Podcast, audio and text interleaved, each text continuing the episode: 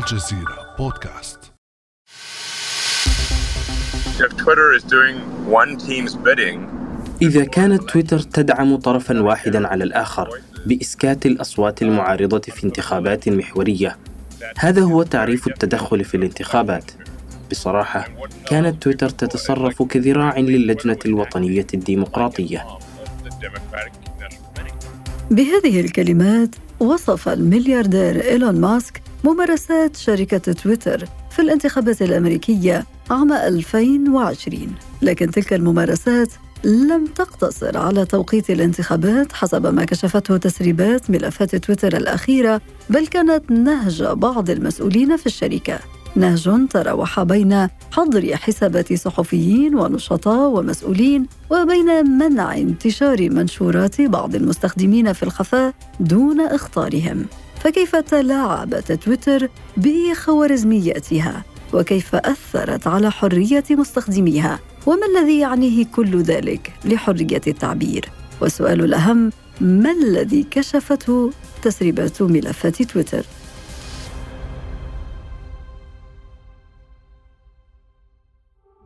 بعد أمس من الجزيرة بودكاست أنا أمال العريسي.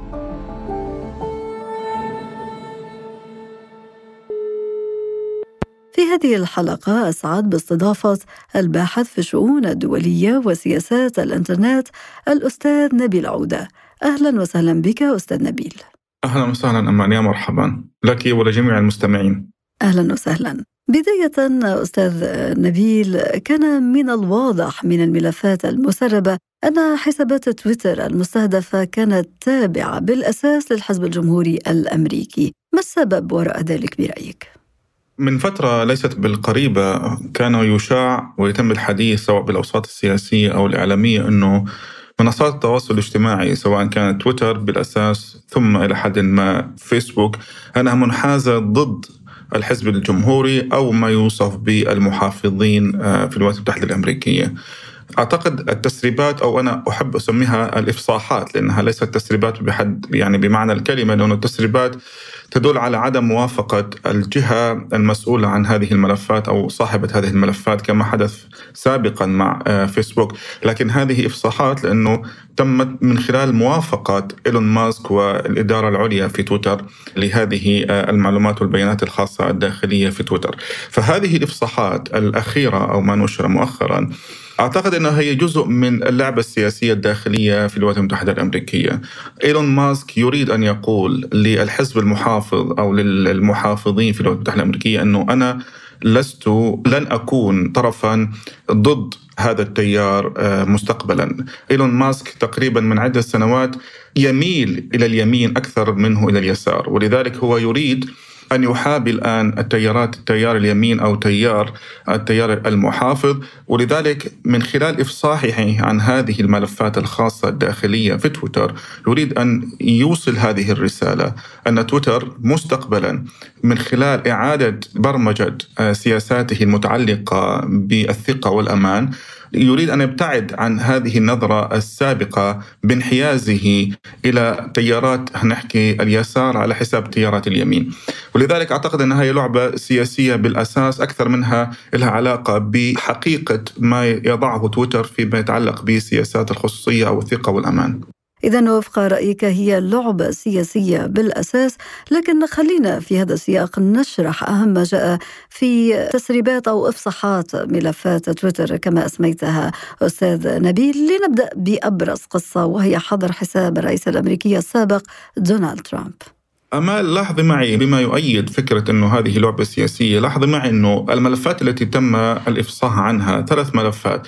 قلت أنت موضوع حظر ملف أو حظر حساب الرئيس السابق ترامب. الملف الآخر لاحظي معي أنه هانتر بايدن فيما يتعلق بملفات الفساد لابن الرئيس الحالي بايدن وأيضا ما يتعلق بما يسمى بال secret blacklist اللي هي اللائحة السوداء المتعلقة ببعض حسابات أيضا اليمين أو المحافظين. إذا هذا يؤيد موضوع أنه هذه لعبة سياسية. فلذلك تم فقط الإفصاح عن هذه الثلاث ملفات فقط. لم نرى أي ملفات أخرى متعلقة بمواضيع أيضا تهم العالم. من أبرزها مثلا على سبيل المثال الانحياز ضد المحتوى الفلسطيني. لم نرى أي تسريب أو أي تركيز في هذه التسريبات أو في هذه الإفصاحات على هذه الملفات أو الملفات المتعلقة مثلا بالحملات الكراهية ضد المسلمين في الهند على سبيل المثال أو ضد الرهوانجا على سبيل المثال. اذا كانت الملفات التي أفصحت عن هذه التسريبات هي فقط متعلقة بالشأن الداخلي الأمريكي ومتعلقة فقط بالملفات المرتبطة بتيارات اليمين والمحافظين ترامب وبايدن والسكت. طيب خلينا نفصل. يعني طيب خلينا, خلينا نفصل تفضلي. آه. طيب خلينا نفصل فيها. لنبدأ بملف ترامب. تمام. يعني ترامب كان يعني بالنسبة لحسب ما تم تسريبه كان بالنسبة لتويتر أو لموظفي آه، قسم الثقة والأمان في تويتر في ذلك الوقت يعني أمر صادم جدا.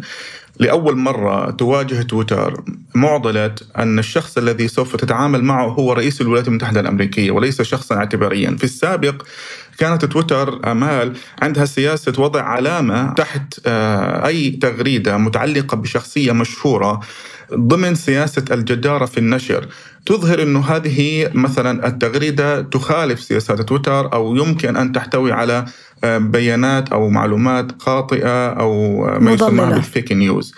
مضللة.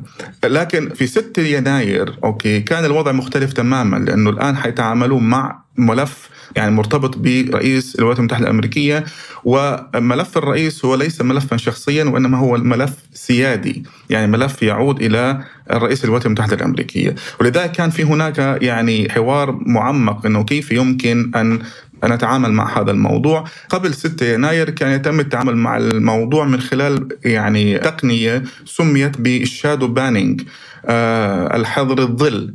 بمعنى وهي طبعا معاملة خاصة لبعض هنحكي الحسابات. بمعنى أنه الحساب يبقى ظاهر فقط لصاحبه ولكن لا يتم الوصول إليه من قبل المستخدمين. ولكن وهي هذا أصلا ولكن هذا لم يحدث مع الرئيس الأمريكي السابق. حدث معه قبل 6 يناير. أوكي لكن بعد 6 يناير وأحداث آه، الكونغرس كان هناك قرار باتجاه حظر كامل لحساب الرئيس آه، الأمريكي. ولاحظ معي أمال أنه الآن مثلا أحد أهم وأبرز الأسماء التي ساهمت بالذهاب باتجاه حظر يعني حساب الرئيس هو يائير روف اللي هو كان رئيس قسم الثقة والأمان في تويتر. ولاحظ أنه هو الاسم الوحيد الذي ذكر في آه، إفصاحات أو ملفات تويتر مؤخرا. وهناك نوع من الصراع الشخصي ما بين إيلون ماسك حاليا وبين يوئيل روث. فذهبت تويتر باتجاه موضوع ال shadow banning وحظر مباشر لحساب الرئيس آه، دونالد ترامب وأصبحت تذهب باتجاه يعني سياسة تسمى visibility filtering اللي هي آه، تنقية الظهور. بمعنى آخر أنه يمكن أن يكون هناك ظهور لحساب معين لكن ليس له أي reach أي وصول. ولذلك سمي لاحقا مثلا أن هناك حق بالحديث وليس حق بالوصول. آه، freedom of speech not freedom of reach. نعم. نعم. وهذه معادلة ومفارقة فيما يتعلق بهذه السياسة التي اعتمدتها آه، تويتر آه، بخصوص محتوى الرئيس الأمريكي دونالد ترامب. طيب ماذا عن آه، ملفات تويتر الخاصة بمحتويات لابتوب نجل الرئيس الأمريكي الحالي جو بايدن؟ هانتر بايدن محسوب على التيار الديمقراطي في 2020 تم تسريب بعض يعني البيانات المتعلقة بملفات فساد له من خلال استثماراته في أوكرانيا. تويتر ذهبت باتجاه حظر نشر هذه البيانات بناء على أنه قد تكون هذه البيانات مسربة من خلال أفعال التجسس أو من خلال الاختراق.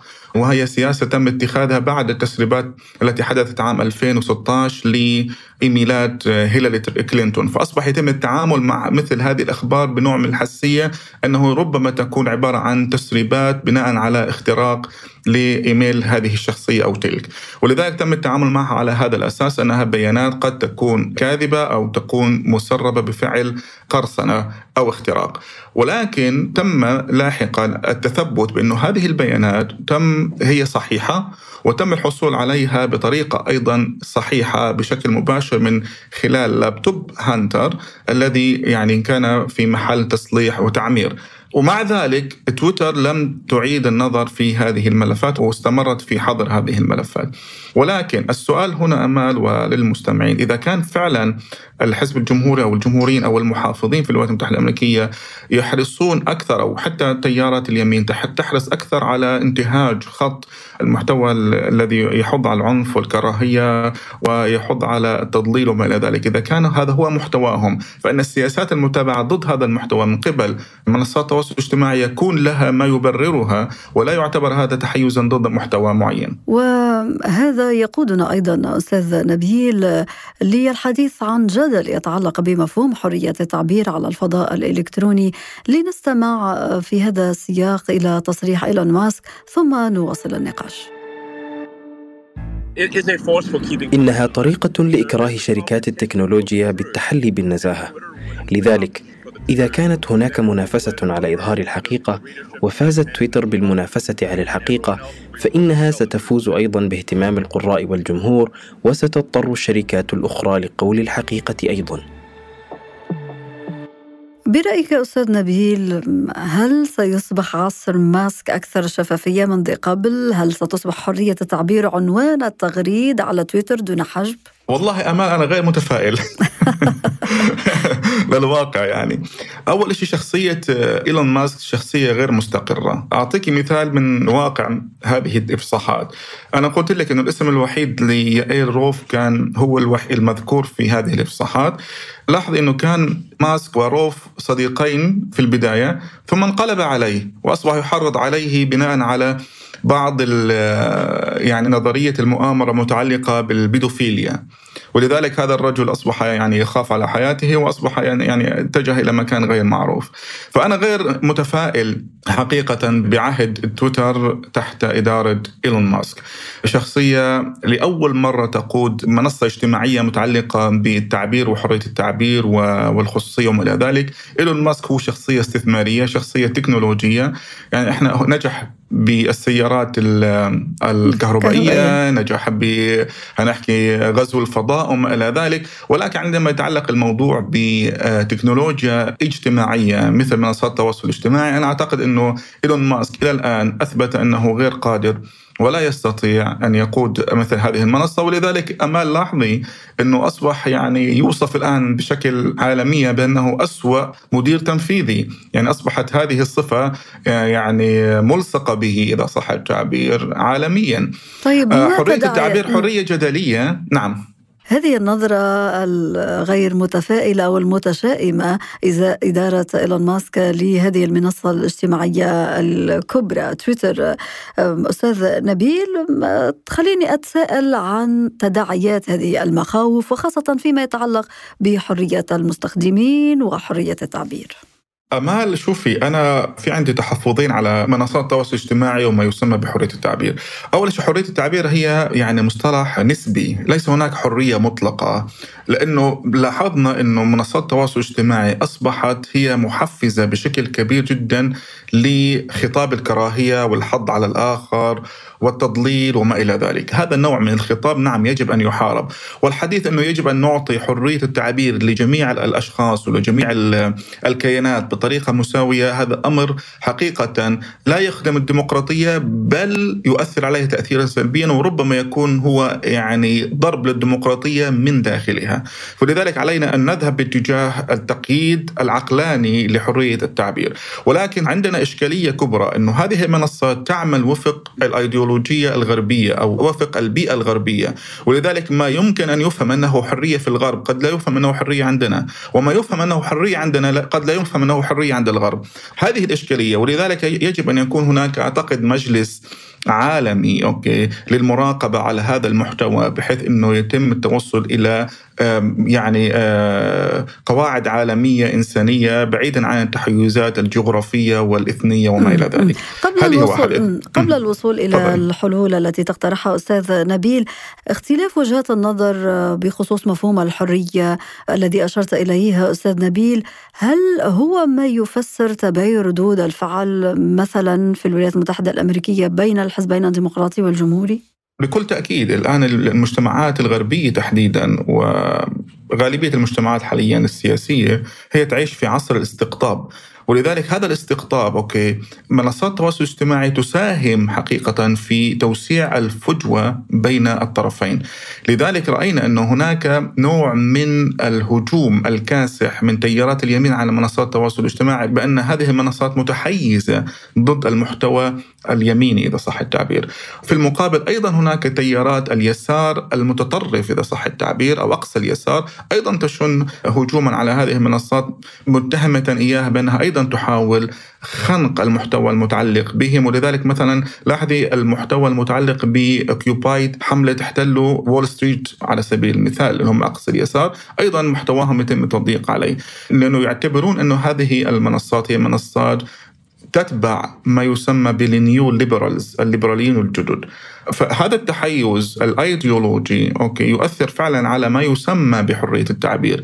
لأنه إذا منحنا حرية التعبير آه، بشكل مطلق أوكي إذا سنعيش في نوع من خطاب الغاب. هناك انفلات في الخطاب. وإذا أردنا أن ذهبنا باتجاه التقييد سوف نذهب باتجاه التحيز. وهي هنا المعضلة أمال معضلة بين الذهاب نحو الخطاب بما يشبه بسياسة الغاب وما بين سياسات التحيز. لذلك أنا قلت أنه يجب علينا أن نذهب باتجاه مجلس عالمي حقيقة من أجل آه، وضع حلول جذرية لهذه الاختلافات حتى لا تؤثر علينا لاحقا. وأعتقد أنه إحنا إلى الآن خسرنا هذه المعركة معركة حرية التعبير وما إلى ذلك. وهل هذا ممكن فعلا إلى وهل هذا ممكن برأيك أستاذ نبيل؟ إذا كانت هذه الممارسات تم فتحها إن صحت العبارة داخل تويتر فما بالك ببقية المنصات الأخرى فيسبوك وأخواتها؟ أمال المشكلة أنه إحنا الآن حقيقة نذهب باتجاه مغاير في السنوات القادمة. آه، عشنا إحنا تقريبا فترة عشر سنوات أو أكثر شوي بالمنصات الجامعة. العالمية. تويتر فيسبوك بحيث أنه هي منصات يتم استخدامها من جميع المستخدمين حول العالم بغض النظر عن موقعهم الجغرافي. إحنا الآن سنذهب باتجاه نوع من بلقنة المنصات التواصل الاجتماعي. بمعنى ولكن هذا سيفقد مواقع التواصل الاجتماعي. الهدف الذي تم انشاؤها من أجل يعني هذا التشبيك يعني كل المستخدمين الموجودين في فضاءات معناها تتسع للجميع. ألا يرجع هذا المسألة إلى خلافا لما تريده كل هذه المواقع؟ أعتقد أمال إحنا وصلنا أو العديد من المستخدمين أو من العلماء أو من المفكرين حتى من الفلاسفة وصلوا لقناعة إنه جعل الناس أكثر ترابطا وتشبيكا أعتقد إنه لم يساهم في إحداث عالم أكثر امنا وسلاما. وإنما أكثر يعني إشكالية وأزمة. ولذلك أصبحنا نذهب باتجاه نوع من بلقنة الإنترنت أو بلقنة منصات التواصل الاجتماعي. أنا تكلمت قبل قليل على موضوع البلقنة الجغرافية لمنصات التواصل الاجتماعي بحيث إنه كل بقعة جغرافية ممكن أن تروح باتجاه عمل منصات تواصل اجتماعي خاصة بها. ولكن هناك أيضا بلقنة أيديولوجية. ولاحظ معي إنه تيارات اليمين أصبحت تذهب باتجاه عمل منصات تواصل اجتماعي خاصة بها. ترامب على سبيل المثال عندما تم حظره من تويتر okay راح, عمل آه، وأنشأ منصة تواصل اجتماعي خاصة به سماها the Truth مثلا تيارات اليمين المتعلقة بالقريبين من نظريات المؤامرة. عندهم منصات تواصل اجتماعي خاصة بهم اللي هم chan 8 و chan 4 و QAnon وما إلى ذلك. فأعتقد إنه إحنا رايحين بهذا الاتجاه لإنه موضوع أن يكون هناك منصة جامعة لكل المستخدمين بغض النظر عن انتماءاتهم الأيديولوجية والسياسية والجغرافية والإثنية وما إلى ذلك أصبح أعتقد أصبح في مراحله الأخيرة وإحنا رايحين باتجاه فعلا منصات مبلقنة أكثر من منصات عالمية أو جلوبلايزد وربما هذا سيوسع من صلاحيات الحكومات وأيضا يشكل بدوره تاثيرا ربما من وجه آخر على حرية المستخدمين وحرية التعبير أليس كذلك؟ بكل تأكيد إحنا سندخل قريبا هذه المرحلة ويعني من مبكر الحديث عن نتائجها ولكن أعتقد نعم أعتقد إنه إحنا داخلين في عصر اللي هو الجدران الثقافية، الجدران الثقافية تبنى الآن حاليا في جميع المرافق سواء كان المرافق الجغرافية من خلال بناء الجدران بين الحدود من خلال وضع تشريعات ضد الاندماج كما نراه كثيرا الآن في الغرب وأعتقد أنه أيضا هناك جدران ثقافية سوف تبنى رقميا من خلال هذه البلقنة الرقمية بحيث أنه نتواصل فقط مع الناس الذين يشبهوننا سواء يشبهوننا بالفكر أو يشبهوننا من ناحية الجنسية والإثنية وما إلى ذلك. أعتقد إحنا هذا معطى بحد ذاته النظر إليه من بعيد خطير جدا لأنه نحن نعيش في عالم مترابط جدا وموضوع وضع هذه الجدر الثقافية والرقمية بين الشعوب وبين الناس أعتقد سيكون له تداعيات خطيرة جدا. ربما أخطر من التداعيات التي كانت يعني أو التي أفرزتها موضوع المنصات العالمية. ولكن هذا واقع. كيف سنتعامل معه؟ أعتقد هذا سؤال كبير جدا ويحتاج ليس إلى حلقة وإنما إلى حلقات ليس إلى ورشه إنما إلى ورش. ما الذي سيحدث أمال لاحقا؟ لا أستطيع أن لا ليست بيدي يعني عصا سحرية حتى أتنبأ. ولكن أنا أعذريني لكن أنا لست متفائلا حقيقه بهذا المستقبل وإن كنت من محبي التكنولوجيا ولكن هذه التكنولوجيا معركة وعلينا أن نكون أكثر وعيا من أجل الظفر بها. إذا مستقبل غامض ربما تبدو غير متفائل أستاذ نبيل ولكن هذا ما يبدو عليه مستقبل منصات التواصل الاجتماعي.